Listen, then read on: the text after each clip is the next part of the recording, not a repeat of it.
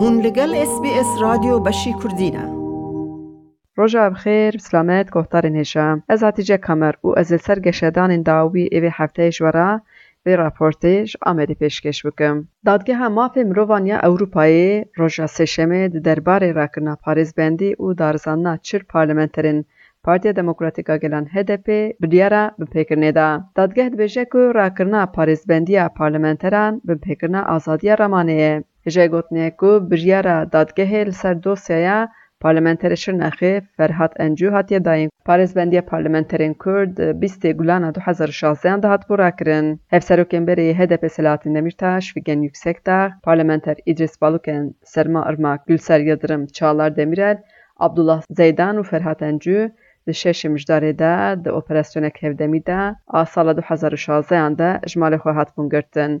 Abdullah Zeydan, Ferhat Encû û Çalar Demirel hatin berdan lê navê bihorî hêjî di girtîgehê de ne. Hêjayê gotine ku dadgehê heman demê de biryar da her parlamenterek pênc hezar euro ceza Tirkiyeyê birê û li gorî biryarê Tirkiye divê mesrefê bide. Ferhat Encû got biryara dadgeha mafê mirovan biryareke dereng maye û vê biryarê ji du aliyan şîrove kir.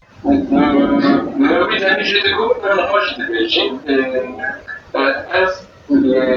hemîşe digot min xweş dibêjim ez daxwaz daxwaza desthilatdara AKP û MHP bû yani berrestînê mirovan.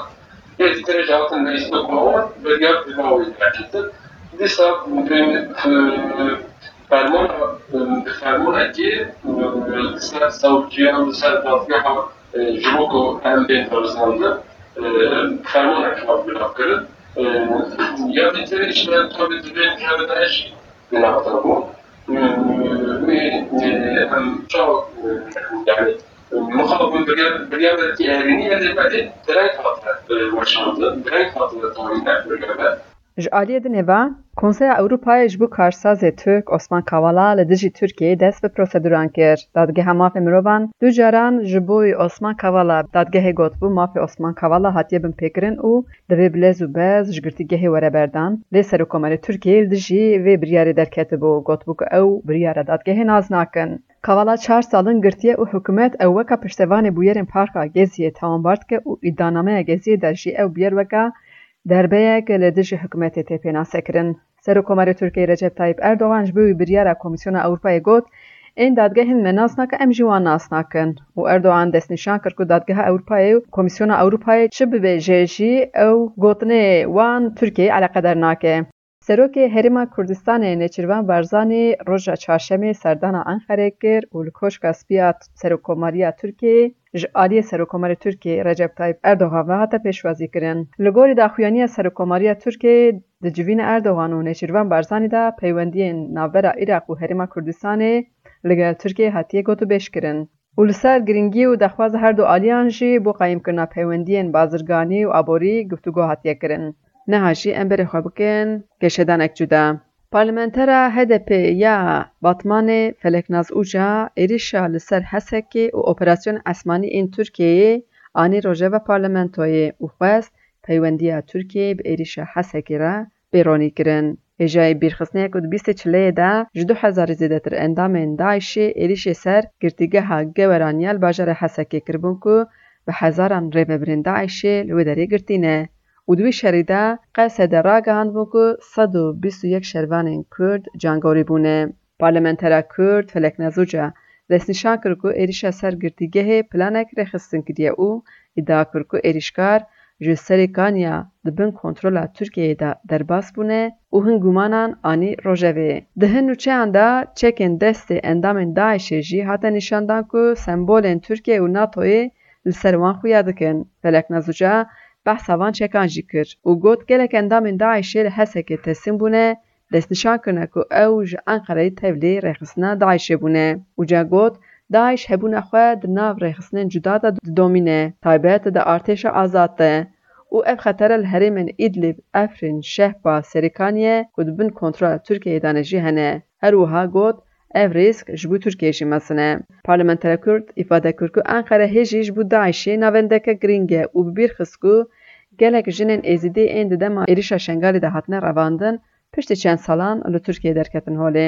Parlamentera HDP êrişên bombeyê این داعشê li ser bajarê Kurdan jî bi bîr xist ku îdia اف همی ایریش جبود بیدن کرن اپوزیسیون هاتیه کرن و لسر دایش زرخا پارستنا دولت هیه پارلمنتر هد پیا باتمان ایدای خو ها دوماند روژا کو دایش دست ایریش هسکه کر کنوی اخس هده جکوبا نبرکت لی ارتش ترکیه و ایریش اک اسمانی و کنوی اشخورا کره هدف اف جی گومان هیزه ده ترد که کو ایریش اسمانی جبو پشتگریه دایش هاتیه کرن و تلیا اکه پیجی دنا وان سیاست وانا پارلمان پارلمنت یا ترکیه دخوازه که لسر وان ایدایان بسکنه. جبوی گمان زده جی بلز و بز دس بلی کولینام بکه. ج دنیوا ارتش ترکیه اپراسیون و ایرشین اسمانی لسر باکور سوریه او ایراقی دو دومینه. ایرش سرشنگال چار ساعت دوام کریه. او گلک برندر حتنه را گهاندن. بریا اریشی بردف که سرکوماریه ترکیه ابراهیم کالن û şêrmendê Ewlehiya Netewî Amerîkayê Jake Sullivan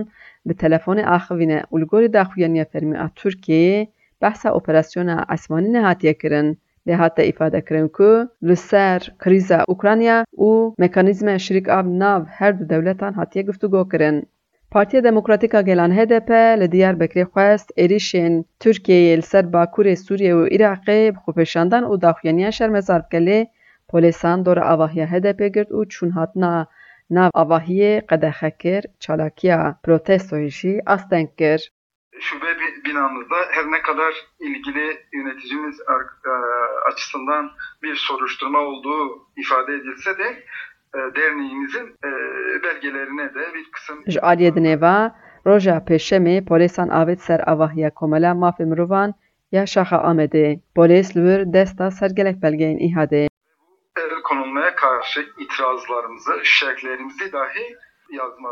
Serokê Komela Mafê Mirovan îhadê yê Amedê Abdullah Zeytûn da zanîn rêveberek Komelê ku navê Ferhat Berkpınar e di çarçoveya operasyonek ji aliyê dozgeriya Semsûrê hatiye destpêkirin, danê sibê ji mala hatiye girtin. Wî got operasyona ser îhadê jî di çarçoveya vê operasyonê de hatiye kirin. Wî got ser dosyaya Ferhat Berkpınar بریاره نپن هیا لو ما نزانن که نابروک اوپراسیون چیه.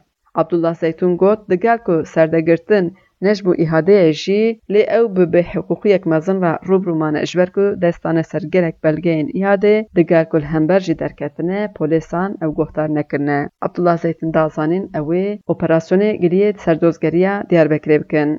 از هدیجا کمر می راپورت جورا ج سرگشدن داوی ج آمده کر.